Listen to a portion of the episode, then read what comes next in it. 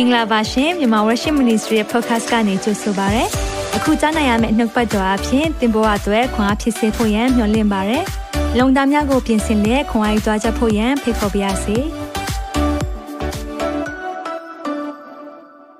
အားလုံး good morning good afternoon good evening ကြိုဆိုရဲအာဒီနေ့ MWTV ကိုပထမဆုံးချိန်ကြည်တာဆိုရင်တော့သင်ကိုအထူးကြိုဆိုချင်ပါတယ်လို့เนาะဒီနေ့အာကျွန်တော်တို့အရင်ရင်ခုန်တယ်ဘာကြောင့်လဲဆိုတော့ new series ကျွန်တော်ဖះကိုမေးပါတယ်ဘာအကြောင်းသင်ရမလဲကျွန်တော်ပြင်ဆင်ထားတဲ့အရာတွေအာဒီကျွန်တော်တို့အာသစ်လောင်းကာလမှာပြင်ဆင်ထားတဲ့အရာတွေတချို့ရှိပေမဲ့ဖះကဒီအချိန်မှာအကောင်းဆုံးနှုတ်ကပတ်တော်ကတော့เนาะမကြောက်ရွံ့နဲ့မစိုးရိမ်နဲ့ဒီအရာတွေပြောဖို့ပဲနှိုးဆော်တယ်ဒါကြောင့်ကျွန်တော်တို့ new series ပြန်သွားပြီ freedom from fear เนาะဒီနေ့ပြောကြည့်အောင် freedom from fear เนาะအာကြောက်ရွံ့ခြင်းမှလွတ်မြောက်ခြင်းတို့လို့เนาะအမိပေးထားပါတယ်ကြောက်ရွံ့ခြင်းကနေလွတ်မြောက်ဖို့လိုတယ်ဒီနေ့မှာအားလုံးကိုပြန်လဲကြိုဆိုခြင်းနဲ့ကျွန်တော်နာမည်က David Kim လို့ခေါ်ပါတယ်ပထမအဆုံးချိန်ကြည်တာဆိုရင်เนาะသင်ကိုအထူး special ကြိုဆိုခြင်းပါတယ် ဒီရဲ့ MWTV ဖြစ်မြောက်လာဖို့ကိုတော့ကျွန်တော်တို့ရဲ့ partners များเนาะကျွန်တော်လက်တွဲပေါ်တွေရှိတယ်။ now friends တွေအားဖြင့်ကျွန်တော်တို့ပါဝင်ခြင်းအပြင်အခုလို့ကျွန်တော် run နိုင်တာဖြစ်တယ်။ဒါကြောင့် partners တွေကိုလည်းအထူးပြန်လည်ကြိုဆိုပါရစေလို့เนาะအားလုံးကြိုဆိုတယ်။ဒီနေ့ဖျားရှင်သိကောင်းမြတ်တယ်ဒီညမှာပြန်လည်ဆုံးတွေ့ခွင့်ပေးတယ်။မစိုးရိမ်နဲ့မစိုးရိမ်နဲ့မစိုးရိမ်နဲ့เนาะဒီနေ့ဖျားပြောနေတဲ့အရာတွေနှုတ်ကပတ်တော်ထဲမှာကျွန်တော်တို့ဂတိပေးထားတဲ့အရာတွေမစိုးရိမ်ဖို့မကြောက်ဖို့အမြဲတမ်းပြောတယ် အမြဲတမ်းစံစာထဲမှာတွေ့ရတာတခုရှိတယ်ကောင်းကင်တမန်ပေါ်လာတာပဲဖြစ်ဖြစ်နော်ဖျားပေါ်လာတာပဲဖြစ်ဖြစ်အဲ့လိုမျိုးပေါ်လာတိုင်းမှာအမြဲတမ်းဖျားပထမဆုံးပြောတဲ့စကားပါလေသိလားမစိုးရိမ်နဲ့မကြောက်နဲ့ဒါအရင်ပြောတယ်ဘာလို့ဆိုလူကကြောက်တတ်တယ်လူကစိုးရိမ်တတ်တယ်အဲကြောင့် ကောင်းကင်တမန်တွေ့ရင်ကောင်းကင်တမန်လည်းအမြဲတမ်းမစိုးရိမ်နဲ့เนาะ don't be afraid ဒါပဲပြောတယ်เนาะ Mary Mary တွေ့တဲ့ချိန်လည်းမစိုးရိမ်ဖို့ပြောတယ်။အများကြီးပါကျမ်းစာထဲမှာเนาะဆိုတော့ဒါကြောင့်ကျွန်တော်ဒီညမှာ freedom from fear เนาะကြောက်ရွံ့ခြင်းမှလွတ်မြောက်ခြင်းတို့ဒီနေ့ကြောက်ဖို့ဘုရားကကျွန်တော်တို့ကိုဆန္ဒမရှိဘူးကြောက်ဖို့ကျွန်တော်တို့ကိုအခွင့်မပေးထားဘူး ဒီနေ့မှာတကူပါသောစိတ်ချစ်တတ်သောစိတ်ရှင်းလင်းသောစိတ်ပေးတယ်ဒါကြောင့်ဒီညမှာလည်းနှုတ်ကပတ်တော်ကျွန်တော်အထူးပြင်ဆင်ထားတယ်ဒီရအတွက်ဖခင်လက်ဝင်နိုင်ကျွန်တော်သက်တာတွေအနိုင်ရအောင်ကောင်းလားအာမင်ကျွန်တော်လည်းကူညီလိုတယ်စက်တီအတွက်လည်းဆုတောင်းပေးပါပြီးရင်ကျွန်တော် volunteer တွေအတွက်လည်းဆုတောင်းပေးပါနောက် media team အားလုံးပေါ့နော်ဒီတစ်ဖွဲ့လုံးကျွန်တော်တို့ပြင်ဆင်နေကြတယ်နှုတ်ကပတ်တော်သင်လက်ထဲเนาะသင်အိမ်ထဲမှာเนาะကြိုဆိုတဲ့အတွက်ကြောင့်မလို့ဖခင်ရှင်သင်ကိုအထူးကောင်းကြီးပေးပါစေဟာလေလုယာအဲကြောင့်မလို့ကျွန်တော်တို့ဝန်ခံနေကြ နှုတ်ကပတ်တော်နဲ့ဒီနေ့မှလည်းဝန်ခံရအောင်အာမင်ဒီနှစ်တော့နှုတ်ကပတ်တော်သည်အကျွန်ုပ်ခြေရှိမှမိခွက်ဖြစ်၍အကျွန်ုပ်လန်ကီကိုလင်းစေပါတစ်ခါတော့ပြန်လည်ဝန်ခံရအောင်နှုတ်ကပတ်တော်သည်အကျွန်ုပ်ခြေရှိမှမိခွက်ဖြစ်၍အကျွန်ုပ်လန်ကီကိုလင်းစေပါဒီနေ့အမှောင်ကျတဲ့အချိန်ဖြစ်တယ်မိပြတ်သွားတယ်လို့ကြားရတယ်တချို့တွေအမှောင်ချမယ်နော်အင်တာနက်ဖြတ်မယ်ပြီးရင်မဟုတ်တာတွေအမှောင်မှောင်မိုက်ရဲ့သားတွေကအလုပ်လုပ်လိမ့်မယ်ဒါပေမဲ့ကျွန်တော်တို့ကအလင်းရဲ့သားသမီးဖြစ်တယ်အာမင် သင်ထပါလင်းမှာသင်ရဲ့အလင်းရောက်လာပြီအာမင်ဒီအချိန်မှာမှောင်မိုက်ရဲ့သားလို့ကုတ်နေရမယ့်အချိန်မဟုတ်ဘူးအာမင်မှောင်မိုက်ရဲ့သားမဟုတ်အလင်းရဲ့သားဖြစ်တဲ့အတွက်ကြောင့်မလို့တောင်ထိပ်မှာရှိသောမြို့ကဲ့သို့အလင်းလင်းသောယုံကြည်သူများဖြစ်ရအောင်အာမင်ဒီအချိန်မှာကြောက်နေရမယ့်အချိန်မဟုတ်ဘေးထိုင်ကြည့်နေရမယ့်အချိန်မဟုတ်ဘူးရက်ကြည့်နေပြီးတော့နော်ဘေးထိုင်ဘူးပြောရမယ့်အချိန်မဟုတ်ဘူးမိတ်ဆွေဒီနေ့မှာ နိုင်ငံအတွက်ပါဝင်ရမယ့်အချိန်ဖြစ်တယ်ဆူတောင်းပါဒူးထောက်ပါအာမင်ဒူးထောက်ပါဒီနေ့ကျွန်တော်တို့ဆန္ဒဖော်ထုတ်တဲ့အဖွဲ့တွေရှိတယ်သင်လဲဖျားရှိမှာဆန္ဒဖော်ထုတ်ပါအာမင်သင်ဒူးထောက်ပြီးဆန္ဒဖော်ထုတ်ပါဒီနေ့ဒူးထောက်တာအညံ့ခံတာမဟုတ်ကောင်းကင်ကိုဖွင့်တာဖြစ်တယ်အာမင်ကောင်းကင်ကိုထိတာဖြစ်တယ်ဒါကြောင့်မလို့ကျွန်တော်တို့လည်းဆူတောင်းပေးနေတယ်မြန်မာနိုင်ငံအတွက်ကိုအထူးပဲသတိရနေတယ်ဒါကြောင့်မလို့ အာဒီနေညမှာလည်းနှုတ်ပတ်တော်အဖြစ်သင်ရဲ့လမ်းလင်းမယ်ဆိုတာကိုကျွန်တော်ယုံကြည်တယ်။ဘာလုပ်လို့ဘာကန်ရမှမသိတဲ့အခါမှာသင်နှုတ်ကပတ်တော်ရသွားရင်ဘာလုပ်ရမလဲဘာကန်ရမလဲဆိုတာကိုသင်သိသွားမယ်။အာမင်။ဒါကြောင့်မလို့ခဏလောက်စက္ကန့်နိုင်အောင်သင်ရဲ့နှလုံးသားကိုကောင်းချီးပေးပါ။အင်တာနက်လိုင်းများမှာစာရေးအရာအလုံးမှာဖျားရပါရှိခြင်းရှိဖို့ရန်ခဏလောက်စက္ကန့်နိုင်အောင်။ သက်ရှင်သောထာဝရမြတ်စွာသောဘုရားသခင်ဒီနေ့အတွက်ယေရှုတင်တယ်ဒီနှုတ်ပတ်တော်ဝေငှခွင့်ပေးတဲ့ဘုရားရှင်နာမတော်ဘုန်းကြီးပါစေနှုတ်ပတ်တော်အရှင်ကိုကြိုးဆိုတဲ့ဖိတ်ခေါ်တဲ့နေရာပေးတယ်ကျွန်တော်တို့ရဲ့ပြင်ဆင်ထားတာထက်ဘုရားရဲ့ပြောချင်တဲ့အရာကိုရော ကိုယ်တိုင်သူတို့အပေါ်မှာတိုးထီပါကျွန်တော်တို့ပါဇက်ရှာလက်ဝင်တဲ့အနံ့နဲ့ကြောက်တတ်တဲ့စိတ်တွေဒီနေ့မှာဖယ်ရှားပေးပါတကူပါပဲစိတ်နဲ့ဟောကြားဖို့ချစ်တတ်တဲ့စိတ်နဲ့ဟောကြားဖို့ရှင်းလင်းသောစိတ်နဲ့ဟောကြားဖို့ရန်အတွက်ဝိညာဉ်တော်ဖျားလမ်းပြပါအစီအစဉ်အနောက်ရှက်ပေးမဲ့ဝိညာဉ်ဆိုးရဲ့လောက်ရအားလုံးကိုလည်းယေရှုခရစ်ရဲ့နာမ၌ဒီအချိန်မှာတားဆီးဖယ်ရှားတယ်ကောင်းကင်ဘုရားဆေလွတ်တဲ့ ministry angel များအလုံးလုံးပါတန်ရှင်းသောဝိညာဉ်တော်ဖျားဦးဆောင်တဲ့ကောင်းချီးပေးပါမိကြောင်းတပါးတိတော်သားရမြတ်ယေရှုနာမ၌စက္ကန့်နဲ့ဆုတောင်းပါ၏အာမင် freedom from fear ဆိုတဲ့ series နဲ့ကျွန်တော်တို့သွားမှာဖြစ်တယ်။ဒါကြောင့်ဒီနေ့ညအဲ့ဒီ series ထဲကပထမဦးဆုံးအပိုင်းကတော့ကြောက်ရွံ့ခြင်းကိုထိတ်တိုက်ရင်ဆိုင်ဖို့เนาะ confronting fear ကြောက်ရွံ့ခြင်းကြုံလာရင်ဘယ်လိုထိတ်တိုက်ရင်ဆိုင်မလဲเนาะကြောက်ရွံ့ခြင်းကြုံရင်ကျွန်တော်တို့ကဘာပဲလုပ်လို့ရှိလဲထွက်ပြေးတာเนาะကျွန်တော်တို့နောက်ဆုတ်မယ်ဒါမှမဟုတ်ရင်ကျွန်တော်တို့ရှိရင်အခြေအနေမှာပဲကျွန်တော်တို့က နေနေလိမ့်မယ်ဘယ်တော့မှရှေ့မတိုးတော့ဘူးကြောက်လာပြီဆိုဘယ်တော့မှရှေ့ခြေလမ်းမတက်တော့ဘူးနောက်သွားရင်သွားမယ်ဒါမှမဟုတ်ကျွန်တော်တို့လှည့်ပြေးမယ်ဒါပေမဲ့တခါလေမှာအဲ့ဒီ fear ကြုံလာတဲ့အခါမှာကျွန်တော်နားလည်ဖို့ကပါလဲဆိုတော့ရင်ဆိုင်ဖို့လိုတယ်အာမင်ဒါကြောင့်မလို့ကြောက်ရွံ့ခြင်းလို့ပြောတဲ့အခါမှာကျွန်တော်တို့နော်ကြောက်ကြောက်ရွံ့ခြင်းနဲ့ပတ်သက်ပြီးတော့အများကြီးရှိတယ်လူတွေကကြောက်တဲ့အများကြီးရှိတယ်ဥပမာတချို့ကအမြင့်ကြောက်တယ်နော်တချို့ကနော်ကျွန်တော်တို့ အာဒီဆုံးရှုံးရမှာကြောက်တယ်နော် fear of failure လို့ခေါ်တယ်တခုခုလှုပ်လိုက်ရင်မှားသွားမလားဆိုတာကြောက်တယ်နော်ကျွန်တော် ਨੇ နီးစပ်တဲ့သူတချို့ဆိုရင်တခုခုလှုပ်လိုက်ရင်မှားသွားမလားမှားသွားမလားဆိုပြီးတော့အခုချိန်ထိဘာမှမလုပ်ဘာမှမလုပ်တော့ဘာမှမဖြစ်ဘူးအဲ့ဒါလည်း fear တစ်မျိုးဖြစ်တယ်ကြောက်ရွံ့ခြင်းနဲ့သက်ဆိုင်တယ်အဲကြောင့်ကျွန်တော်ဘဝမှာနော်ဆိုတော့သူများအကြံပေးပါဆိုရင်အာဘာလှုပ်လိုက်ပါလားဒါလှုပ်လိုက်ပါဒီစီးပွားရေးလှုပ်ပါသူကိုယ်တိုင်လှုပ်ဆိုမလှုပ်ရဲဘူးဘာကြောင့်လဲ fear ကြောက်ရွံ့ခြင်းရှိတယ်။ဒါကြောင့်သင်ရဲ့သက်တာမှာအမြဲတမ်းကြောက်ရွံ့ခြင်းနဲ့အသက်ရှင်တယ်။အာဟုတ်လားလူရှိမှထွက်ပြီးတော့တက်တိခံရမယ်ကြောက်တယ်။လူရှိမှထွက်ပြီးတော့နော်ဖျားကောင်းမြတ်ခြင်းဝင်ငါရမှာကြောက်တယ်။အများကြီးရှိတယ် stage fright နော်ကျွန်တော်တို့တခါလေးကျွန်တော်တို့ online မှာတက်ဖို့တောင်ကြောက်တဲ့လူတွေရှိတယ်။ဘာကြောင့်လဲဆိုတော့နော်ကျွန်တော်တို့ကြောက်ခြင်းဆိုတဲ့အရာကတမျိုးမျိုးနဲ့ကျွန်တော်တို့ထဲမှာရှိတတ်တယ်နော်။ဆိုတော့အထူးသဖြင့်ပဲချိန်ကြောက်တတ်လဲဆိုတော့ရှေ့လာမဲ့အရာမသိချဘူးမရေရဘူး။ ဒီချိန်မှာကြောက်တတ်တယ်ခုမြန်မာနိုင်ငံနဲ့ပတ်သက်ပြီးတော့စိုးရင်ထိတ်လန့်မှုတွေကြောက်ရွံ့မှုတွေဟာငါ့ကိုဘယ်ချိန်လာဖမ်းမလဲငါအိမ်ဘယ်ချိန်လာတော့မလဲကြောက်တယ်ငါဘယ်တော့တော့တခုခုဖြစ်မလဲကြောက်တတ်တယ်ဒါကြောင့်မလို့ဖခင်ကဒီနှုတ်ကပတ်တော်ကျွန်တော်တို့ကိုအခုချိန်မှာပေးတာဖြစ်တယ်မကြောက်ပါနဲ့ဒါပေမဲ့အဲ့လိုကြောက်ရွံ့ခြင်းတွေကြုံရင်ဘယ်လိုရင်ဆိုင်မလဲဒါသိဖို့လိုတယ်တော့မကြောက်နဲ့နှုတ်ပတ်တော်ရှိတယ်ဆိုတာနဲ့ကျွန်တော်တို့က ပြီးသွားတာမဟုတ်ပဲねအဲ့နောက်ွယ်မှာကျွန်တော်တို့ဘယ်လိုမျိုးနီးလန်းနေရှိသလဲเนาะကြောက်ရွံ့ခြင်းကျွန်တော်ကြောက်တတ်လားကြောက်တတ်ပါတယ်เนาะအထူးသဖြင့်တခုခုကိုမပိုင်တဲ့အရာတခုဒါမှမဟုတ်ကိုမပြင်ဆင်ထားတဲ့အရာတခုဆိုရင်ကျွန်တော်တို့တခုခုလုပ်တဲ့အခါမှာကြောက်တတ်တယ်เนาะဒါပေမဲ့အဲ့လိုကြောက်ရွံ့တဲ့အခါမှာကျွန်တော်တို့ကိုသတိပေးတဲ့အရာလေးရှိတယ်ဟာကြောက်တဲ့အခါမှာကျွန်တော်တို့က လှုပ်တင်လားမလှုပ်တင်ဘူးလားဒါပေမဲ့ဒီနေ့ကျွန်တော်ပြောချင်တဲ့အကြောင်းအရာကအဲ့ဒီကြောက်ချင်းဆိုတဲ့အရာစာတန်ရဲ့ပြီးတဲ့ကြောက်ရွံ့ခြင်းကျွန်တော်တို့ငြိမ်သွားအောင်ကျွန်တော်တို့တစ်ခုခုကိုမလှုပ်အောင်ကျွန်တော်အနာဂတ်အတွက်ဖခင်ရဲ့အကြံစီတွေကိုဖျက်လို့ဖျက်စီးနော်စာတန်ရဲ့လှုပ်တဲ့အရာအဲ့ဒီအရာကိုကျွန်တော်တို့ဘယ်လိုကြော်လွှားမလဲဒါကိုဒီညမှာပြောသွားမယ်ဒါကြောင့်မလို့ကျွန်တော်တို့ဒီ series တစ်ခုလုံးအတွက်ကျွန်တော် theme verse လေးပေါ့နော်ကျွန်တော်တို့ဒီ sound book ကျမ်းပိုက်လေးကိုကျွန်တော်ပေးချင်ပါတယ်เนาะဘာကြောင့်လဲဆိုတော့ living without fear ဆိုတာကြောက်ရွံ့ခြင်းမရှိဘဲနဲ့အသက်ရှင်ဖို့ဘုရားလိုတော်ရှိတယ်အာမင်ဒါကြောင့်ကြောက်ရွံ့ခြင်းမရှိဘဲအသက်ရှင်ဖို့ကျွန်ုပ်ဆန္ဒရှိတယ်လို့ comment ရေးပါအာမင်ဘာကြောင့်လဲဘုရားကကျွန်တော်တို့ကိုကြောက်တတ်တဲ့သဘောမပေးဘူးကြောက်ရွံ့ခြင်းမရှိဘဲအသက်ရှင်ဖို့ ကျွန်ုပ်ဆန္ဒရှိတယ်အာမင်သင်ရဲ့ဝန်ခံခြင်းသိအရေးကြီးတယ်အာကျွန်တော်တို့တခုဆို comment ပေးလိုက်ရင်ငါ့ကိုဘယ်သူဘာပြောမလဲကျွန်တော်တို့ကဘယ်သူမှမပြောဘဲနဲ့เนาะဒီလိုမျိုးစိုးရိမ်သုံးကတွေအများကြီးဖြစ်တတ်တဲ့သူတွေရှိတယ်ဒီနေ့ခွန်အားပေးခြင်းနဲ့မကြောက်ပါနဲ့မြန်မာလူမျိုးတွေကကြောက်တတ်တယ်เนาะအာကျွန်တော်ဒီဒီရဲ့အကြောင်းအရာလေးနဲ့ပတ်သက်ပြီးတော့ကျွန်တော်ပြောပြခြင်းတယ်ကျွန်တော်ကျွန်တော်ကျောင်းစတက်တဲ့အချိန်မှာအထူးသဖြင့်အင်္ဂလန်ရောက်တဲ့အချိန်မှာကျောင်းသွားတဲ့အချိန်မှာကျွန်တော်စာမမေးရဘူး စာမေးတော့မယ်လောက်တိုင်းကျွန်တော်စိတ်ထဲမှာနင်မေးတဲ့မေးခွန်းကအားလုံးကသိပြီးတော့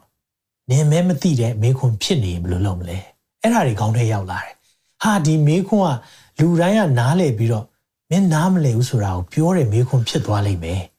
အဲ့ဒီဟာနဲ့ကျွန်တော်ပါဇက်ထဲမှာမထွက်လာအောင်နော်ပြောမယ်ဆိုရင်မထွက်လာအောင်အဲ့ဒါနဲ့ကျွန်တော်ကဘာလုပ်လဲဆိုတော့ကျွန်တော်ခင်တဲ့တငယ်ချင်း နော်သူ့နာမည်ရှိန်လို့ခေါ်တယ်ရှိန်ကိုကျွန်တော်အမြဲတမ်းမေးတာပေါ့နော်သူ့ကိုကြတော့ကျွန်တော်ကခင်တယ် ကိုယ့်ရဲ့တငယ်ချင်းဖြစ်တဲ့ခါမှာဆရာဘာတစ်ခုပြောလိုက်လဲနားမလဲရှိန်ဘာပြောတာလဲတာအမြဲတမ်းသူ့ကိုတို့တယ်အဲ့ဒါနဲ့နော် तू ကဆရာကိုမေးလိုက်လေတိုက်ရိုက်မေးလိုက်ပါဆိုပြောရင်ကျွန်တော်လုံးဝမမေးရဘူးရတယ်ရတယ်မလို့ရတယ်ရတယ်မမေးဘူးအဲ့လိုဖြစ်နေတဲ့အချိန်မှာ तू ကသူ့ကိုပဲအမြဲတမ်းမေးမေးတရက်ကျတော့ तू ကဆရာမေးတယ်မေးခွန်းရှိမလားလို့ပြောတဲ့အခါမှာ तू က လက်ထောင်လိုက်တယ်အဲ့ဒါနဲ့ဆရာ hey shane မင်းမေးခွန်းကဘာလဲဆိုကျွန်တော်မေးခွန်းရှိတာမဟုတ်ဘူးတဲ့ဒေးဗစ်မေးခွန်းရှိတာတဲ့ကျွန်တော်တို့မှမျက်နာတွေหนีရဲခေါင်းတွေကြီးပြီးတော့ဟာကျွန်တော်မေးခွန်းရှိတယ်မရှိဘူးမရှိဘူးကျွန်တော်အတင်းကျင်းတာ no no no ဆိုတော့အဲ့နဲ့ရှင်းကလည်းမင်းခုနကအောင်မေးတယ်လေပြောလိုက်လေဆရာအောင်ဆိုတော့အဲ့ဒီမှာဆရာပြောပြတယ်ဒေးဗစ်မင်းကျောင်းလာတက်တယ်ဆိုတာကျောင်းလာတက်တဲ့ရည်ရွယ်ချက်ကူကတင်ဖို့လာတာမင်းမတက်လို့တင်ဖို့လာတာ ဘာမှမကြောက်နဲ့မေးပါနော်အဲ့ဒီမှာမေးခွန်း silly question ဆိုတာမရှိဘူးနော်ဒါကြောင့်မလို့မေးပါမေးခွန်းနေဆိုတာအဲ့ဒီကစပြီးကျွန်တော်တဖြည်းဖြည်းပွင့်လာတယ်အဲကြောင့်မေးခွန်းနေသိကျင်တဲ့အရာတွေရှိရင်မေးရလာတယ်ဘာကြောင့်လဲဆိုတော့ကျွန်တော်တို့ကအကြောက်တရားအောက်မှာကြီးလာခဲ့ကြတယ်မေးလိုက်မယ်ဆိုရင် ရှာမရှိနဲ့ပြောတဲ့အရာလို့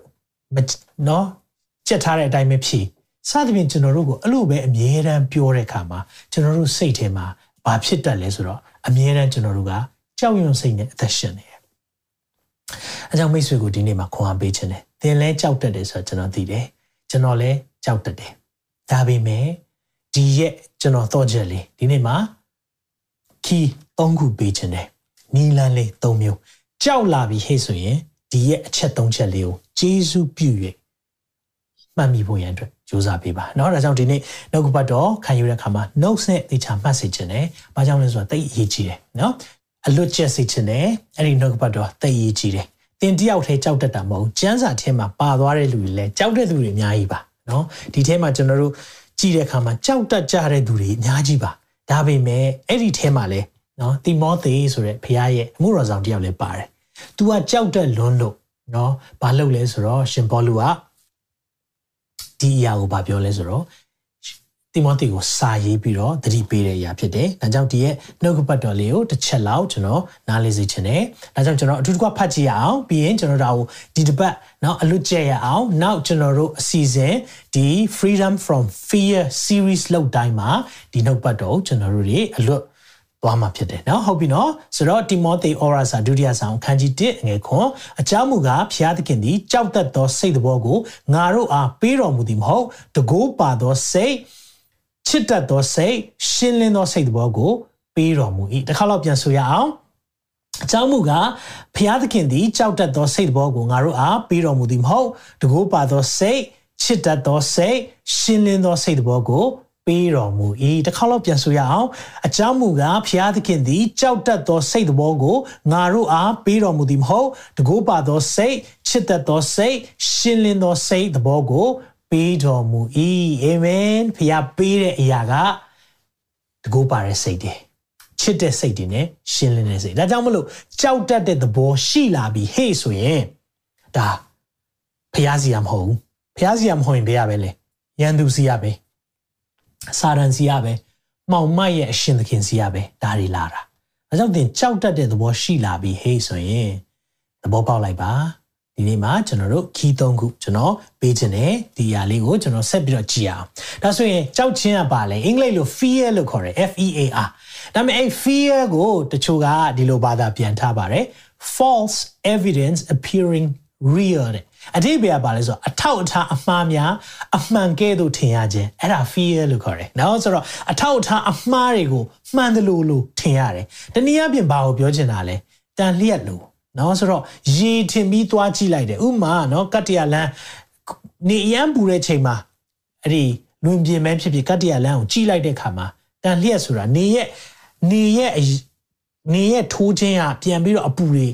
ပြန်တက်တဲ့အချိန်မှာ နော်ကျွန်တော်တို့မျက်စိကနေမြင်လိုက်တဲ့အခါမှာရေလိုလိုမြင်ရတယ်ဒါပေမဲ့အနီးသွားကြည့်ရေလားဆိုတာမဟုတ်ဘူးကြောက်ရွံ့ခြင်းကလည်းဘာနဲ့တူလဲဆိုတော့တန်လျက်နဲ့ပဲတူတယ်အဝေးကကြည့်လိုက်တော့ဟာဒါတကယ်ရှိတာပဲဒါပေမဲ့တကယ်ရှိလားဆိုသွားကြည့်တော့မရှိဘူးမျက်စိကိုလှည့်စားတာထိုနည်း၎င်းမဲ့ fear ဆိုတာအထောက်ထားမှားတွေပဲဒါပေမဲ့အဲ့ဒီအထောက်ထားမှားတွေကမှန်တယ်လို့လို့ထင်တာเนาะဒါကြောင့်မလို့ကျွန်တော်တို့ဒါလေးကိုနားလဲစေခြင်းတယ်အထောက်အထားမှားတွေအမှန်ကဲ့သို့ထင်တာကို fear လို့ခေါ်တယ် ငါကြောက်တယ်ကျွန်တော်တို့ကျွန်တော်စိတ်ထဲမှာဟာဒါဖြစ်နေခဲ့ရင်ဘယ်လိုလုပ်မလဲเนาะဆိုတော့ကြောက်တတ်တဲ့အခါမှာလယ်သမားတယောက်အကြောင်းပုံမြင်တဲ့ပုတ်ကြားဘူးတယ်ဆိုတော့ तू ကကြောက်တတ်တယ်သူ့မှာလယ်မြေကအများကြီးသူအမွေရထားတယ်ဒါပေမဲ့ तू ကဘာမှမလုပ်စားတဲ့အခါမှာတရက်ကျတော့သူ့ရဲ့မိတ်ဆွေကမေးတယ်မင်းဘာမှမလုပ်စားဘူးလားเนาะဟိုအသီးနှံနေစိုက်ပြီးတော့စားပါလားဆိုဟာအသီးနှံစိုက်စား မိုးမရွာရင်ဘယ်လိုလုပ်မလဲဟာဒါဆိုရင်မိုးတိတ်မလို့တဲ့နော်အပင်နေစိုက်မှာပေါ့အဲ့ဒါဆိုရင်ရောဟာဒါဆိုပိုးကြရင်ဘယ်လိုလုပ်မလဲဟာဟုတ်ပြီဒါဆိုရင်မင်းဟိုတိုးနွားတွေမမွေးချင်ဘူးလားတိုးနွားတွေမွေးပေါ့မင်းချန်အကျယ်ကြီးတောင်ရှိတာဟာတိုးနွားမွေးရင်လဲနော်ဟိုနွားစည်းတွေအမဲသားစည်းတွေကြရင်ဘယ်လိုလုပ်မလဲသူကအဲ့လိုစိုးရိမ်ပြီးတော့တခုမှမလုပ်ဘာကြောင့်လဲ မဖြစ်လာသေးတဲ့အရာကိုကြိုတင်တွေးပြီးတော့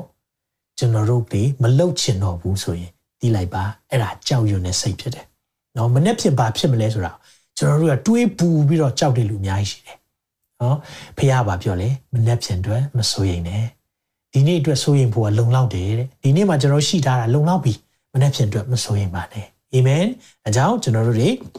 အဲ့လို false evidence appearing real ဆိုတာအထောက်အထားအမှားတွေအမှန်ကဲ့သို့ဖြစ်လာပြီဆိုတာ fear ဖြစ်လာပြီကြောက်တက်လာပြီဆိုရင်ကြောက်ချင်းနဲ့ပတ်သက်ပြီးတော့ရင်ဆိုင်တိုင်းမှာ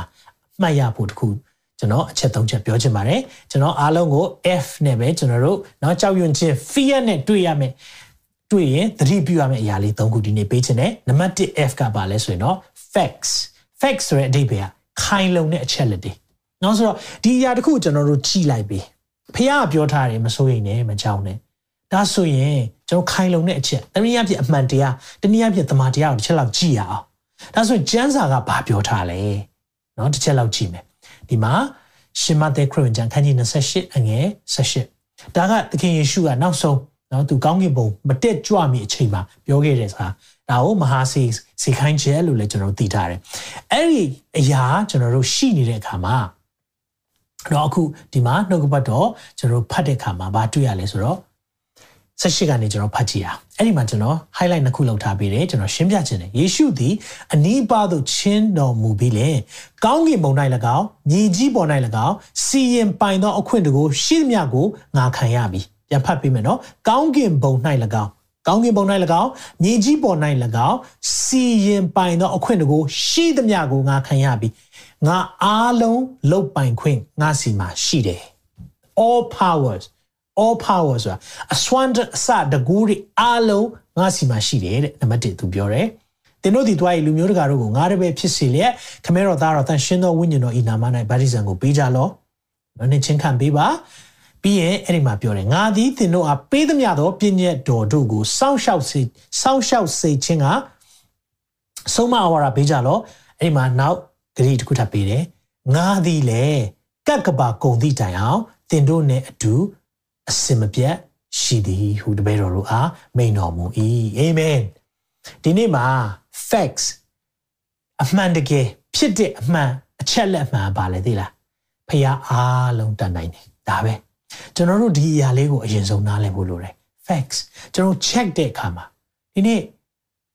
ကျွန်တော်တို့စိုးရိမ်လိုက်တယ်ပူပန်လိုက်တယ်ဆိုတော့ဘာကိုပြောတာနဲ့တူလဲဆိုတော့ဖះမလုံနိုင်ဘူးထင်တယ်လို့ဝန်ခံလိုက်တာနဲ့အတူတူပဲ။ဒါကြောင့်တင့်ကိုဒီနေ့သခင်ယေရှုကသူမတက်ကြွခင်အရေးကြီးတဲ့အရာလေးတွေပြောသွားတယ်နော်။သူရဲ့နောက်ဆုံးစကားတွေထဲမှာအရေးကြီးတဲ့အရာတွေမှာဘာပြောလဲ။စီရင်ပိုင်တဲ့အခွင့်အာဏာအလုံးစုံငါမှာရှိတယ်။တကောငါမှာအကုန်ရှိတယ်။ဒါသူပြောပြီးနောက်တစ်ချက်ကဘာပြောလဲဆိုတော့ငါမင်းတို့နဲ့အတူအမြဲရှိမယ်။ ကကဘာကုံတိတိုင်အတူရှိမယ်။ကဲဒါဆိုရင်မိတ်ဆွေကိုမင်းကြည့်မယ်။အရာအားလုံးတတ်နိုင်တဲ့သူတယောက်နော်။တင့်ဘေးမှာရှိတယ်ဆိုရင်တင်ပါပူမှုလဲနော်အရာအလုံးတတ်နိုင်တယ်ကျွန်တော်အမေရိကန်သမ္မတရတာနော်ကျွန်တော်ဘေးမှာအမြဲတမ်းရှိနေမယ်ဟေးဆိုရင်ကျွန်တော်တို့အရန်လုံခြုံပါပဲဘာပူစရာလိုလဲစားဝတ်နေရေးဘာမှမပူတူတာဝင်ယူမယ်လေလုံခြုံရေးဘာမှမပူတူတာဝင်ယူမယ်လေ ဟုတ်တယ်နော်ဒါတော့ကျွန်တော်တို့ကလူလူချင်းအားကိုးတဲ့အစ်စ်ပဲရှိသေးတယ်အမေရိကန်သမ္မတကလာပြီးတော့ကာကွယ်ပေးမယ်ဆိုရင်တော့ကျွန်တော်တို့ကသိပြီးလုံခြုံနေပါဒါပေမဲ့သင်သိလားအမေရိကန်သမ္မတကကောင်းကင်အောင်မြေကြီးမှာစီရင်ပိုင်တဲ့အခွင့်အားလုံးမရှိဘူးဒါပေမဲ့သခင်ယေရှုကရှိတယ်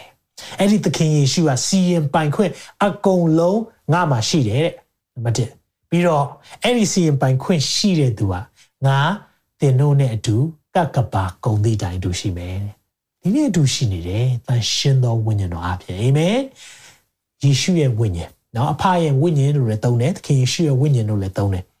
ဒီရဲ့ဝိညာဉ်ကကျွန်တော်တို့နဲ့အတူရှိနေတယ် comforter ကျွန်တော်တို့ကိုနှစ်သိမ့်ပေးတော်သူအမြဲတမ်းအတူရှိနေတယ်သင်ပါဆိုရင်လားလေဒါကြောင့်မလို့ကြောက်ရွံ့ခြင်းလာပြီဟဲ့ဆိုနံပါတ်1 facts အထောက်ထားမှန်အရာအလုံးတတ်နိုင်တဲ့သခင်ရှိတယ် ငါနဲ့အတူရှိတယ်ဟာလေလုယာဒါကြောင့်ကျွန်တော်တို့ဝန်ခံရအောင်အရာအလုံးเนาะသခင်ယေရှု၌တကိုးအာနာအလုံးစုံရှိတယ်လို့ဝန်ခံရအောင်သခင်ယေရှု၌တကိုးအာနာအလုံးစုံရှိတယ်နောက်တစ်ခါဝန်ခံရအောင်သခင်ယေရှု၌တကိုးအာနာအလုံးစုံရှိတယ်အာမင်သခင်ဟာငါနဲ့အတူလဲရှိနေတယ်လို့ထပ်ပြီးတော့ဝန်ခံရအောင်သခင်ဟာငါနဲ့အတူလဲရှိနေတယ် ဒီနေ့အခွင့်အာဏာအလုံးစုံတတ်နိုင်တဲ့ဖခင်ကျွန်တော်တို့နဲ့အတူရှိရင်သင်ပါဆိုရင်လားလေဒါပေမဲ့ကျွန်တော်တို့က fear တွေ့လားတန်လျက်ကိုရေးထင်သွားတာပြဿနာလို့မထင်ထားတဲ့အရာကျွန်တော်တို့ကပြဿနာလို့ထင်သွားပြီးမြင်တတ်တယ်ဒါပေမဲ့သင်သခင်ကသင်နဲ့အတူရှိတယ်ဆိုတာမမေ့ပါနဲ့ဒါကြောင့်ကျွန်တော်ပြန်လဲပြီးခွန်အားပေးခြင်းတယ် fear ကြောက်ရွံ့ခြင်းကြုံလာပြီဆိုနံပါတ်1ချက် facts အထောက်ထားမှန်မှန်ရှာဖို့လိုတယ်အထောက်ထားမှန်ကန်ရဲ့လား fact ဆိုတဲ့သဘောကအထောက်ထားမှန်ကန်မှုတက်သေးမှန်ကန်မှုရှိရဲ့လားဒါကိုကြည့်ရအောင်ဒီနေ့ကျွန်တော်တို့အတွက်အကောင်းဆုံးတက်သေးရတော့အလုံးစုံတက်နိုင်တဲ့အရှင်ကျွန်တော်တို့နဲ့အတူရှိတယ်အာမင်ဝန်ခံရအောင်အလုံးစုံတက်နိုင်တဲ့အရှင်ကျွန်ုပ်တို့နဲ့အတူရှိတယ်အလုံးစုံတက်နိုင်တဲ့အရှင်သင်နဲ့အတူရှိတယ်ကျွန်တော်နဲ့အတူရှိတယ် ဒါကြောင့်မလို့အဲ့ဒီရဲ့အဲ့ဒါတမန်တရားလို့ခေါ်တယ်ဘာကြောင့်လဲသခင်ယေရှုကိုယ်တိုင်မှာခဲ့တဲ့စကားဖြစ်တယ်သူ့ရဲ့နောက်ဆုံးစကားတွေထဲရတခုဖြစ်တယ်ဒါကြောင့်ကျွန်တော်တို့ကိုမဟာစီစားချက်လုပ်တဲ့ခါမှာသူကျွန်တော်တို့ကိုလွတ်ထားလိုက်တာမဟုတ်အေးငါတော့သွားပြီနော်ကောင်းကင်ဘုံတက်သွားပြီတိမ်လေးစီးသွားပြီတော့ဟာလာတတာမင်းတို့တော့ good luck မင်းတို့နော်အဲ့လိုမဟုတ်ဘူးကျွန်တော်တို့သခင်ကအဲ့လိုပြစ်ထားတယ်ဘုရားမဟုတ်ဘူးသင်ကိုသိချစ်တယ်ကျွန်တော်ကိုသိချစ်တယ်ကျွန်တော်တို့နဲ့အတူဒီနေ့မှာတန်ရှင်းသောဝိညာဉ်တော်အားဖြင့် အတူရှိတယ်တန်ရှင်းသောဝိညာဉ်တော်ရှိခြင်းဟာသူရှိခြင်းပဲအာမင်အဲကြောင့်မလို့ကျွန်တော်နားလဲပါနံပါတ်1ချက်ဒီအထောက်အထား facts ကမှန်ကန်ဖို့လိုအပ်တယ်ဒါကြောင့်ခိုင်လုံတဲ့အချက်လက်ရှိတယ်အဲ့ဒီအချက်ကတော့သခင်အလုံးစုံတတ်နိုင်တယ်ကျွန်တော်တို့ ਨੇ အတူရှိတယ်အာမင်နံပါတ်2အချက်သွားရအောင်အခြေခံအုပ်မြင့် now f တလုံးเนาะ fear ဆိုရက်เนาะကြောက်ရွံ့ခြင်းကြုံလာပြီဆိုရင်သင်ရဲ့ foundation ကိုသတိရပါသ င့်ရဲ့အခြေခံအုတ်မြစ်ကိုသတိရပါ။သင်ကြောက်ရွံ့လာပြီးဟေ့ဆိုရင်မုံတိုင်းလာပြီးဆိုရင်အရေးကြီးတာလေ။သင်အိမ်ဘက်မှာစောက်ထားတယ်လဲဆိုတာသိရေးကြီးတယ်။ကြောက်ရွံ့ခြင်းတွေလာပြီးဟေ့ဆိုရင်သင်ဘသူ့အပေါ်မှာအခြေပြုနေတယ်လဲဆိုတာအရေးကြီးတယ်။ကျွန်တော်ပြောပြမယ်။သင်ဘဝရဲ့အနိုင်အမြင့်တိုင်းမှာလူတိုင်းမရှိနိုင်ဘူးနော်။ကျွန်တော်ပြောမယ်ဒါအမှန်တရားပဲ။သင်ဘဝရဲ့အနိုင်အမြင့်တိုင်းမှာလူတိုင်းမရှိနိုင်ဘူး သင်ကိုတိတ်ချစ်ပါတယ်ဆိုတဲ့တငယ်ချင်းတွေသင်ရဲ့အနိုင်ဆုံးအချိန်မှာပျောက်သွားလိမ့်မယ်သင်မှာယာထူးသင်မှာလုတ်ပိုင်ခွင့်သင်မှာငွေကြေးဥစ္စာပြည့်စုံတဲ့အချိန်မှာဥစ္စာပစ္စည်းပေါ်များတဲ့အချိန်မှာတငယ်ချင်းပေါင်းသင်များတတ်တယ်ဒါပေမဲ့သင်ခက်ခဲတဲ့အချိန်မှာနော်ဒီတငယ်ချင်းတွေပျောက်သွားတတ်တယ်သင်ခက်ခဲပြီးတော့အနိုင်ဆုံးအချိန်ရောက်သွားတဲ့အချိန်မှာသင်ဘေးမှာဘယ်သူရှိလဲဆိုတာအရေးကြီးတယ်တခါလေမှာကိုယ်ဆွေမျိုးသားချင်း မိဘညီကိုမောင်နှမတော်တင့်ပေးမှမရှိနိုင်တဲ့အချိန်ရှိတယ်။ဒါပေမဲ့တင့်ကိုပြောပြချင်တယ်။တင့်နဲ့အတူရှိတဲ့ဘုရားတစ်ပါးရှိတယ်။အဲ့ဒီဘုရားကတော့သခင်ယေရှုပဲဖြစ်တယ်။အာမင်။ဒါကြောင့်မလို့အခြေအုပ်မြင့်လို့ပြောတဲ့အခါမှာသခင်ယေရှုကသူ့ဟာသူပါပြောလဲဆိုတော့ I am the foundation cornerstone cornerstone ဆိုတာအခြေခံကြောက်ကြောက်ဆွန်းလို့လည်းသုံးတာပါနော်ဆိုတော့အဲ့ဒီကြောက်ပုံမှာပဲတခြားအရာတွေကဆင့်သွားတာဒါကြောင့်နှုတ်ကပတ်တော်ကပြောလဲချက်လောက်ကြည့်အောင် ဆာလံ138ခုမြောက်သောဆာလံမှာဒီလိုပြောပါတယ်အငယ်20နှစ်တိုက်ကိုတိဆောက်တော်သူများပယ်ထားသောကြောက်သည်တဲ့တိုက်ကိုတိဆောက်တဲ့သူပယ်ထားတဲ့ကြောက်ဆိုတာသခင်ယေရှုပြောချင်တာတနည်းအားဖြင့်အေးသေးလာဂျူးလူမျိုးတွေကယေရှုကိုညင်းပယ်မယ်ဆိုတော့အတိတ်ပင်နဲ့ဆာလံဆရာကြိုပြီးတော့ prophet ပြုခြင်းနဲ့ရေးထားတာဖြစ်တယ်နောက်တစ်ဖန်တိုက်တောင် အထွတ်ဖျားသို့ရောက်ပြန်၏တဲ့တိုက်တောင်အထွတ်ဖျားကိုပြန်ရောက်တယ်တဲ့ခုနပြစ်ပယ်ထားတဲ့ကြောက်เนาะသုံးလို့မရဘူးထင်ပြီးပြစ်ထားတဲ့ကြောက်အပေါ်ပြန်ရောက်လာတယ်တဲ့ ထိုမှုသည်ဘုရားသခင်ပြုတော်မူသောအမှုဖြစ်သည်ငါတို့မျက်မှောက်၌လည်းအံ့ဩပွဲအဲ့လိုဖြစ်လာတဲ့အခါမှာကျွန်တော်တို့အံ့ဩမိတယ်ဟာဘာဖြစ်တာလဲဒီနေ့ဘုရားကအလုပ်လုပ်တယ်ဆိုတော့ဒီရဲ့ဓမ္မဟောင်းထဲကပြောတဲ့အကြောင်းအရာဓမ္မသစ်ကျမ်းမှာပြည့်စုံတယ်မြန်မာပြည့်စုံလဲဆိုတော့မဿဲခရစ်ဝင်ကျမ်းခန်းကြီး27မှာပြည့်စုံတယ် ဘာပြောလဲဆိုတော့ယေရှုကလည်းတိုက်ကိုတိဆောက်သောသူများပယ်ထားသောကြောက်သည်နောက်တစ်ဖန်တိုက်တောင်အထွတ်ဖျားသို့ရောက်ပြန်၏ထုံမှုသည်သာရဖျားပြုတော်မူသောအမှုဖြစ်၏ငါတို့မျက်မှောက်၌လည်းအံ့ဩဝယ်ဖြစ်၏ဟူသောစကားကိုကျမ်းစာ၌သင်တို့သည်တခါတည်းတရံတခါမျှမဖတ်ဘူးသလိုတဲ့မဖတ်ဘူးလားဆိုတာစာလံကျမ်းကိုပြန်ညွှန်းထားတာဒါမဖတ်ဘူးလားလွတ်ပစ်ထားတဲ့ကြောက်ပြန်အပေါ်ရောက်နေတာမမဖတ်ဘူးလားတဲ့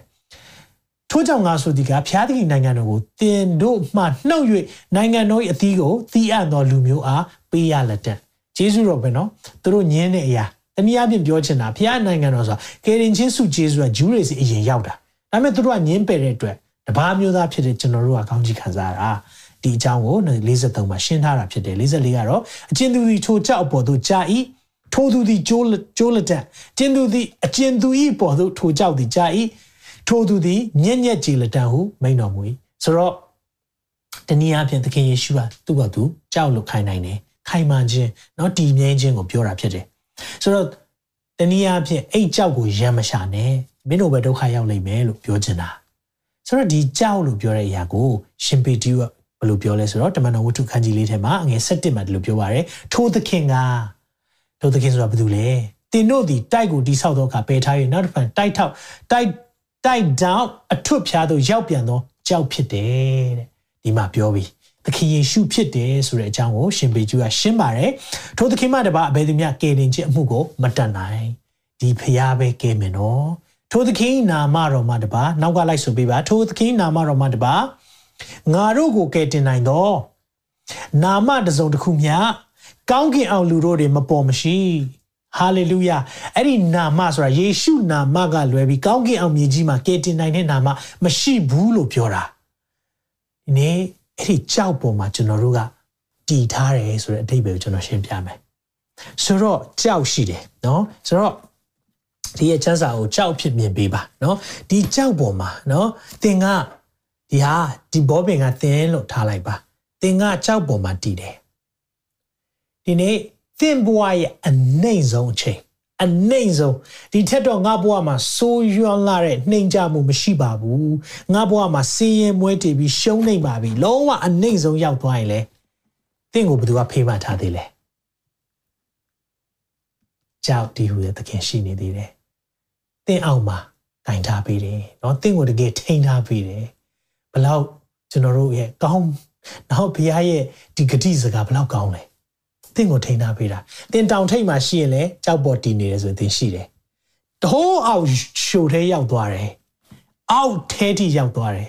လူတွေမရှိတော့ဘူးအဲ့အချိန်မှာတည်တငယ်ချင်းတွေသွားပြီးသင်ရဲ့နော်ချစ်လာပါတယ်ဆိုတဲ့ချစ်သူတွေမရှိတော့ဘူးပေးရမှာဘေးမှာမရှိတော့ဘူးသင်မှာကူပေါ်လောင်ပဲမရှိတော့ဘူးဒါပေမဲ့သင်ဟာကြောက်ပေါ်မှာတည်တဲ့သူဖြစ်နေတယ်ဆိုရင်တော့သင်ဟာသခင်ကတော့သင်ကိုအမြဲတမ်းဖေးမပေးလိမ့်မယ်အာမင်ဒါကြောင့်မလို့ သေမင်းဤအရေးလွှမ်းမိုးသောဂျိုင်ဂျိုင်နေတဲ့မှာလုံးဝအနှိမ့်ဆုံးဂျိုင်ထဲမှာရှောက်သွားရတော့လေသေမင်းအရေးလွှမ်းမိုးတဲ့ဂျိုင်ဒီချိန်မှာမြန်မာနိုင်ငံဖြတ်နေရတဲ့အချိန်သေမင်းရဲ့အရေးလွှမ်းမိုးတဲ့ဂျိုင်တွေကိုဖြတ်သွားရတာရှောက်သွားတော့လေ BNA ကိုမကြောက်ဘူးတဲ့အကြောင်းမူကားကိုတော်သည်အကျွန်ုပ်နဲ့အတူရှိတယ်အာမင်ဖခင်ကကျွန်တော်တို့နဲ့အတူရှိတယ်ဆိုတာနှုတ်ကပတ်တော်ထဲမှာလေ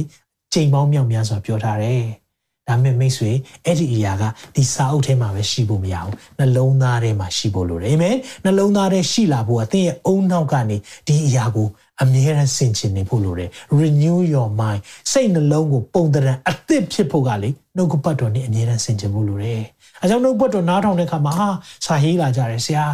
အခုမှပဲစိုးရိမ်မှုတွေပြန်ပြီးတော့ပြည်သွားတယ်။ဘာကြောင့်လဲနှုတ်ကပတ်တော်မှာတကူရှိတာ။အာမင်ဒီနေ့ကျွန်တော်ပြောပြမယ်။ လက်နဲ့အားကိုးနဲ့ရန်ကားနေတဲ့သူတွေမှာတကူအာနာတကယ်ရှိတာမဟုတ်ဘူး။ဒီနေ့အသက်ရှင်တဲ့သာဝရဖျားစီမှာပဲတကူအာနာရှိတာ။ကောင်းကင်အောက်မြေကြီးမှာစီရင်ပိုင်ခွင့်ရှိတာသခင်ပဲရှိတယ်။အဲဒီသခင်ကသင်ကိုလေဖေးမှထားပေးတယ်။သင်ရဲ့ဘဝအနှိမ့်အမြင့်နေတိုင်းမှာသူ့ဘဝမှာပဲယက်တည်ပါ။ဒါပေမဲ့သင်ကြောက်ပေါ်မှာမသွားဘူးဆိုရင်တော့သင်ခုန်ထွက်သွားရင်တော့ဒါသင်တာဝန်ဖြစ်တယ်ဒါပေမဲ့သင်ရဲ့ foundation ဒါကြောင့်မလို့ fear ကြောက်ရွံ့ခြင်းလာပြီး fear လာပြီးဆို foundation ကို check ပါ amen ပြောကြည့်ပါ fear လာပြီးဆိုရင် foundation ကို check ပါလို့ amen fear လာပြီးကြောက်ရွံ့ခြင်းလာပြီးဆိုသင်ရဲ့အခြေခံအုတ်မြစ်ကိုပြန်ပြီးတော့ဆန်းစစ်ပါသင်ဘယ်ပေါ်မှာမူတည်နေတာလဲ stock share ပေါ်မှာမူတည်နေတာလားဒါဆိုအဲ့ stock share ကြီးကပြုတ်သွားတဲ့အခါမှာသင်ကြမှာဒါကြီးကပြုတ်နိုင်တယ်ဟုတ်လားဒီနေ့သခင်ကတော့တည်မြဲတဲ့အရာဖြစ်တယ်မနေ့ယနေ့နောင်ကာလမပြောင်းဘူး ဒါပေမဲ့သင်ရဲ့တည်မြဲနေတာသင်ရက်တည်နေတဲ့အရာကလောကစည်းစိမ်ဆိုအဲ့လောကစည်းစိမ်ပြုတ်သွားတဲ့ချိန်တနည်းအားဖြင့်ဘန်မှာပတ်စံထားတာကိုအရင်စိတ်ချတယ်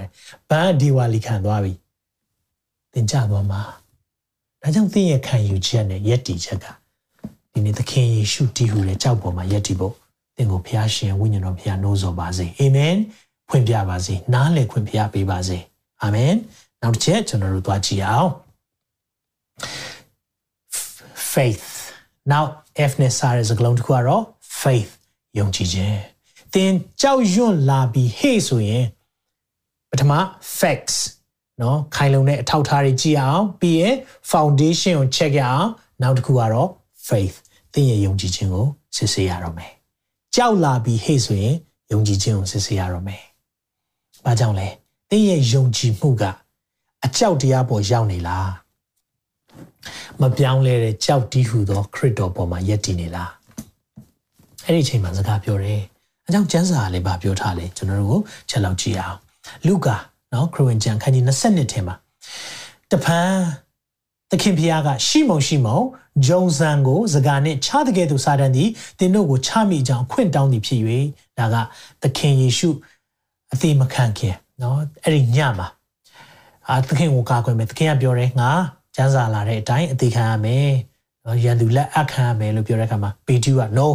ကိုတော့မလုပ်မဖြစ်စေရအောင်ဆိုတဲ့အချိန်မှာကျွန်တော်ဒီကြောင်းလဲပြီးခဲ့တဲ့ဘက်ကလေ့လာခဲ့တယ်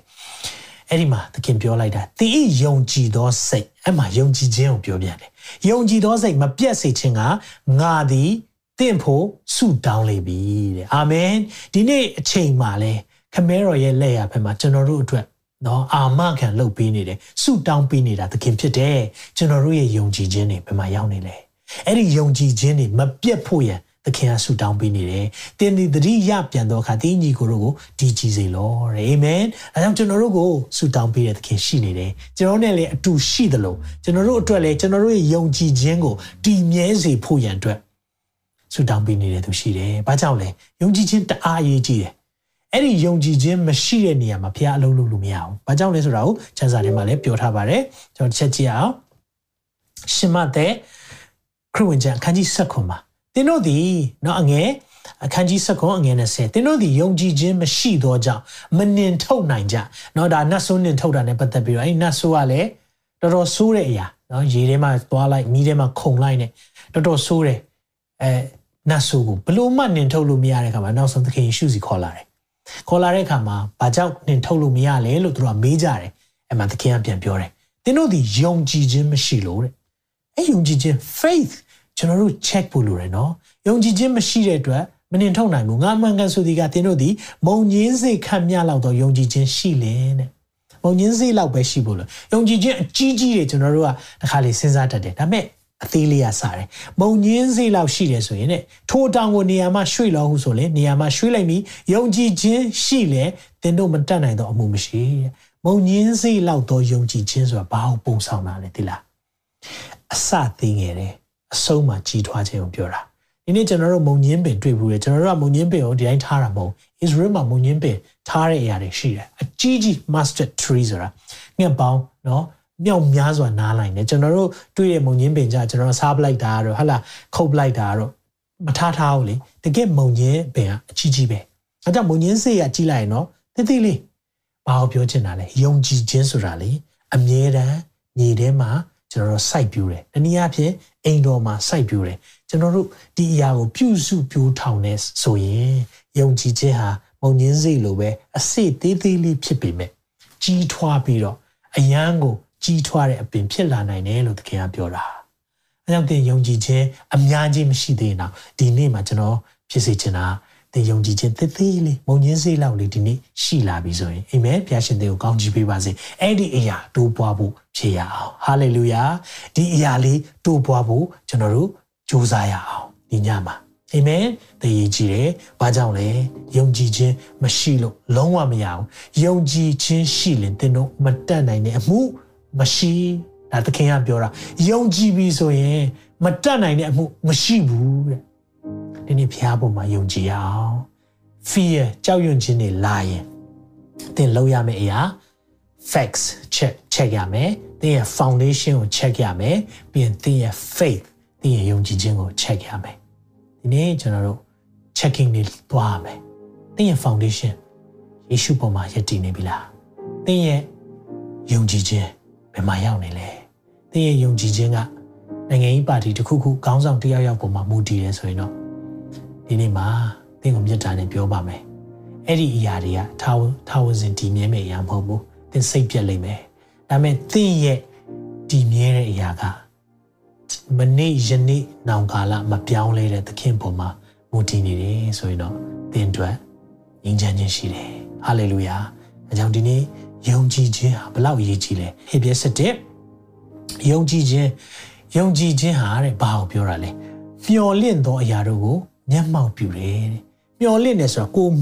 မျော်လင့်ထားတဲ့အရာမျက်မှောက်ပြုတယ်ဆိုတော့မြင်အောင်လိုက်တာအာငါတို့နောက်မြန်မာနိုင်ငံကိုဘယ်လိုမြင်လဲအဲ့ဒါယုံကြည်ခြင်းနဲ့ဝန်ခံခိုင်းတာမြန်မာနိုင်ငံဘယ်လိုဖြစ်စေချင်လဲယုံကြည်ခြင်းနဲ့ဝန်ခံခိုင်းတာကျွန်တော်အနာဂတ်ဒီဘယ်လိုဖြစ်စေချင်လဲယုံကြည်ခြင်းနဲ့ဝန်ခံခိုင်းတာမမြင်သေးဘူးဒါမဲ့ တိမဆွဲလန်းတာဟုတ်လားဒါကိုပြန်ကြည့်အောင်ကျမ်းစာပါပြောလဲမျော်လင့်တဲ့အရာဆိုတော့ things that we are hope for เนาะဆိုတော့ကျွန်တော်တို့မျော်လင့်ထားတဲ့အရာဘာမျော်လင့်ထားလဲအဲ့ဒါကိုမျက်မှောက်ပြုတယ်ဆိုတာမြင်အောင်လာတာ materialize ဖြစ်လာတာเนาะဒီ substance ဆိုတာเนาะအင်္ဂလိပ်ကျမ်းစာမှာဆိုပူတောင်းရှင်းသေးတယ်အဆိုင်အခဲအဖြစ်မြင်အောင်တာအဆိုင်ခဲအဖြစ်ကိုကျွန်တော်တို့ကဒီနေ့မျှော်လင့်တဲ့အရာပြောတာဖြစ်တယ်အဲ့ဒီမှာ မမြင်သေးတဲ့အရာတို့ကိုတိမှတ်ဆွဲလန်းနေတယ်မမြင်သေးဘူးเนาะဒါပေမဲ့ကျွန်တော်တို့တိမှတ်ဆွဲလန်းနေတာအဲ့ဒါယုံကြည်ခြင်းတဲ့ဒါဆိုကျမ်းစာပါဆက်ပြောလဲငယ်6မှာယုံကြည်ခြင်းရှိရင်ဖျားစိတ်တော်နဲ့မတွေ့နိုင်ဘူးဒီနေ့ဖျားစိတ်တော်တွေ့ဖို့ဟာသင်ယုံကြည်ဖို့လိုတယ်သခင်ကအရာအလုံးတတ်နိုင်တယ်ဒါပေမဲ့နာဇရက်မြို့မှာအများကြီးနမိတ်လက္ခဏာပြုလုပ်လို့မရအောင်။ဘာကြောင့်လဲဆိုတော့ because of their unbelief တဲ့သူတို့မယုံလို့။ဟာတည်တာဗောလက်သမားသားလေ။နော်မာရီမာရီနဲ့ယောသတ်ရဲ့သားလေ။သူညီကိုတွေတောင်မှငါတို့တငယ်ချင်းတွေပဲ။သူ့မတွေညီမတွေရှိနေသေးတာပဲဒီမှာ။မယုံ။မယုံတဲ့အတွက်နာဇရက်မြို့မှာနမိတ်လက္ခဏာကြီးကြီးမားမားလှုပ်လို့မရအောင်။ဘာကြောင့်လဲ။ယုံကြည်ခြင်းမရှိရင်ဖျားစိတ်တော်နဲ့မတွေ့ဘူးဒါပေမဲ့ဒီသခင်မဲလားဒီသခင်မဲ ကျွန်တော်နာဇရက်မြို့သားတွေကဲတော့မဖြစ်ရအောင်နာဇရက်မြို့ကလူတွေသခင်ကိုတွေ့တော့ယူသွားတယ်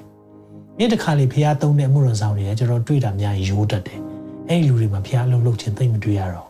ဒါပေမဲ့ကြီးညိုတဲ့စိတ်နော်ရရဲ့နှုတ်ကပတ်တော်ပေါ်မှာယုံကြည်တဲ့စိတ်ဖျားလူဖြစ်တယ်ဆိုတာသိရဲ့အလုပ်လုပ်တယ်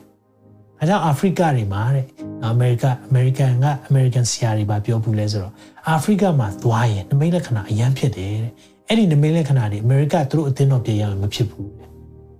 ဒါဆိုဖခင်ကအမေရိကမှာလုံမလုံတာလားမဟုတ်ဘူးဘာကြောင့်လဲဆိုတော့ယုံကြည်ခြင်းအစစ်မတူဘူးဟိုကလူတွေကဒီနေ့ဒါကိုပြောတဲ့ခါမှာယုံတယ်ဖခင်တတ်နိုင်တယ်ဆိုတော့ယုံတယ်အဲကြောင့်ပြောင်းလဲ၍သူငယ်ကဲ့သို့သူငယ်ကဲ့သို့ဆိုတာငယ်တွေက ဘာမှမစင်စားဘူးသူတို့သူတို့ပြောတဲ့အရာယုံတယ်ထုံးနည်း၎င်းပဲဖခင်ရဲ့နှုတ်ကပတ်တော်ပြောတဲ့အရာကျွန်တော်ယုံလားသိရေးကြည့်တယ်မိတ်ဆွေအကြောင်းယုံကြည်ခြင်းရှိတဲ့သူကိုဖခင်စိတ်တော်တွေ့တယ်တဲ့အကြောင်းကြောက်ရွံ့ခြင်း fear နဲ့ပတ်သက်ပြီးတော့တတိပြုရမယ့်အရာ၃ခုကိုဒီနေ့မှာပြန်ပြောပေးခြင်းနဲ့နံပါတ်1 facts ခိုင်လုံတဲ့အချက်လက်အဲ့ဒီအချက်လက်ကိုရှားပါကြောက်ရွံ့ခြင်းတင့်ကိုလာတိုက်ခိုက်ပြီးတခုခုမလုံနိုင်အောင်ဖြစ်လာပြီဆိုရင် ခိုင်လုံတဲ့အချက်လက်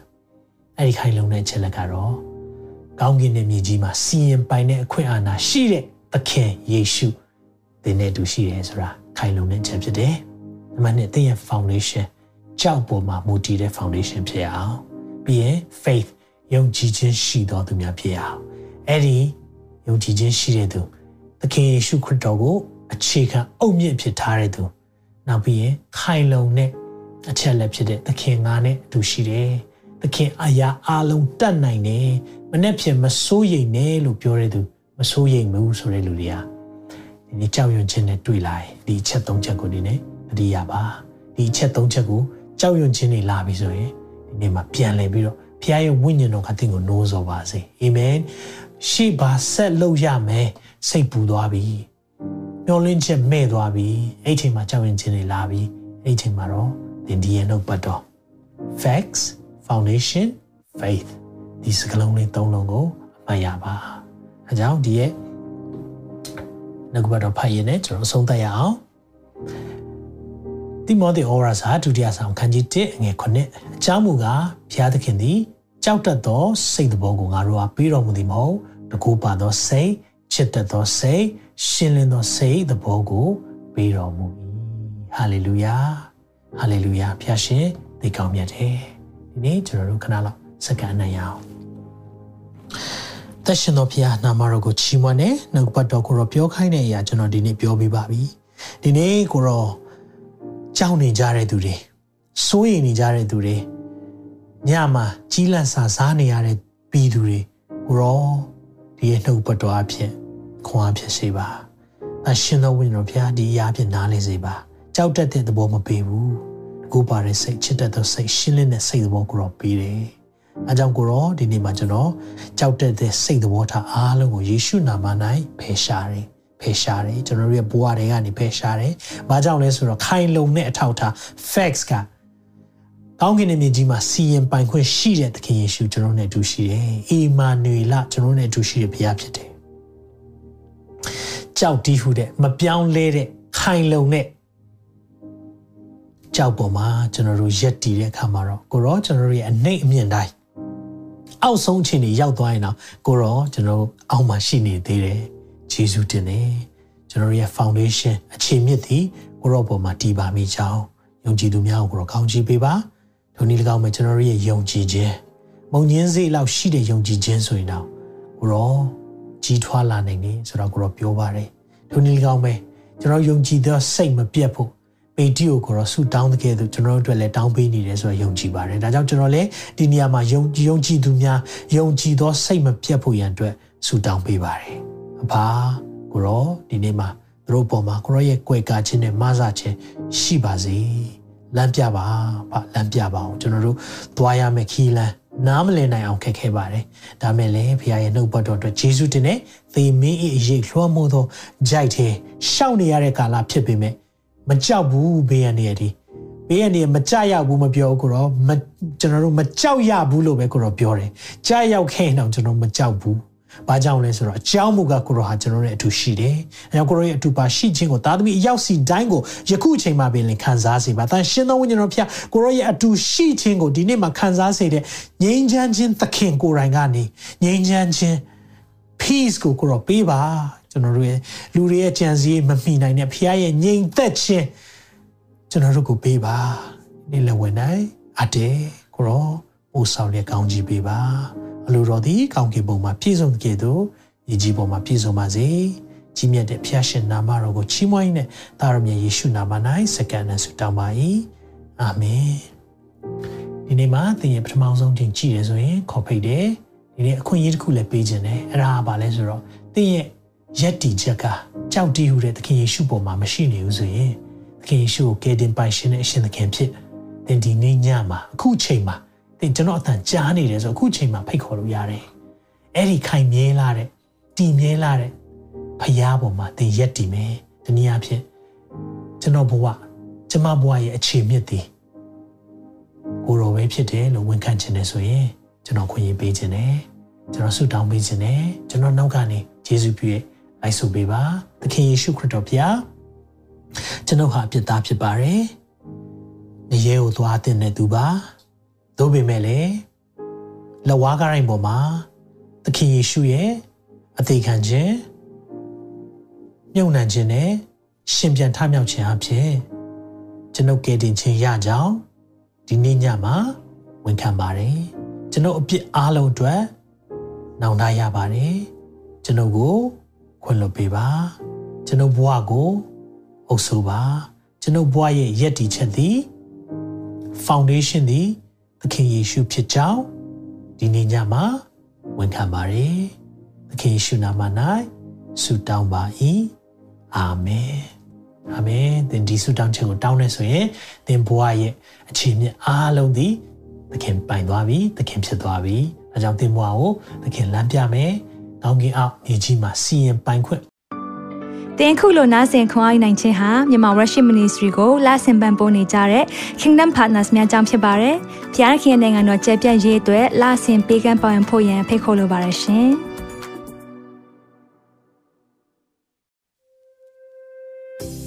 အခုကြားနာခဲ့ရတဲ့နှုတ်ပတ်တော်အဖြစ်ခွန်အားရရှိမဲ့လို့ယုံကြည်မျှော်လင့်ပါတယ်။ခွန်အားရဆိုလို့ရှိရင်ဒီတစ်ပတ်နဲ့ပြန်လည်ဝေမျှပေးဖို့ရန်တောင်းဆိုပါရစေ။ မြန်မာ Worship Ministry ရဲ့ website myanmarworship.com ကိုလည်းလာရောက်လေ့လာဖို့ရန်တွဲဖိတ်ခေါ်ချင်ပါတယ်။တချိန်ထဲမှာမြန်မာ Worship Ministry ရဲ့ social media platform များဖြစ်တဲ့မြန်မာ Worship YouTube Channel, မြန်မာ Worship Facebook page နဲ့မြန်မာ Worship Instagram များကိုလည်းလာရောက်လေ့လာဖို့ရန်တွဲဖိတ်ခေါ်ချင်ပါတယ်။နောက်တစ်ချိန်မှာပြန်လည်ဆုံတွေ့ကြပါစို့။ဖျားရှင်ကောင်းကြီးပေးပါစေ။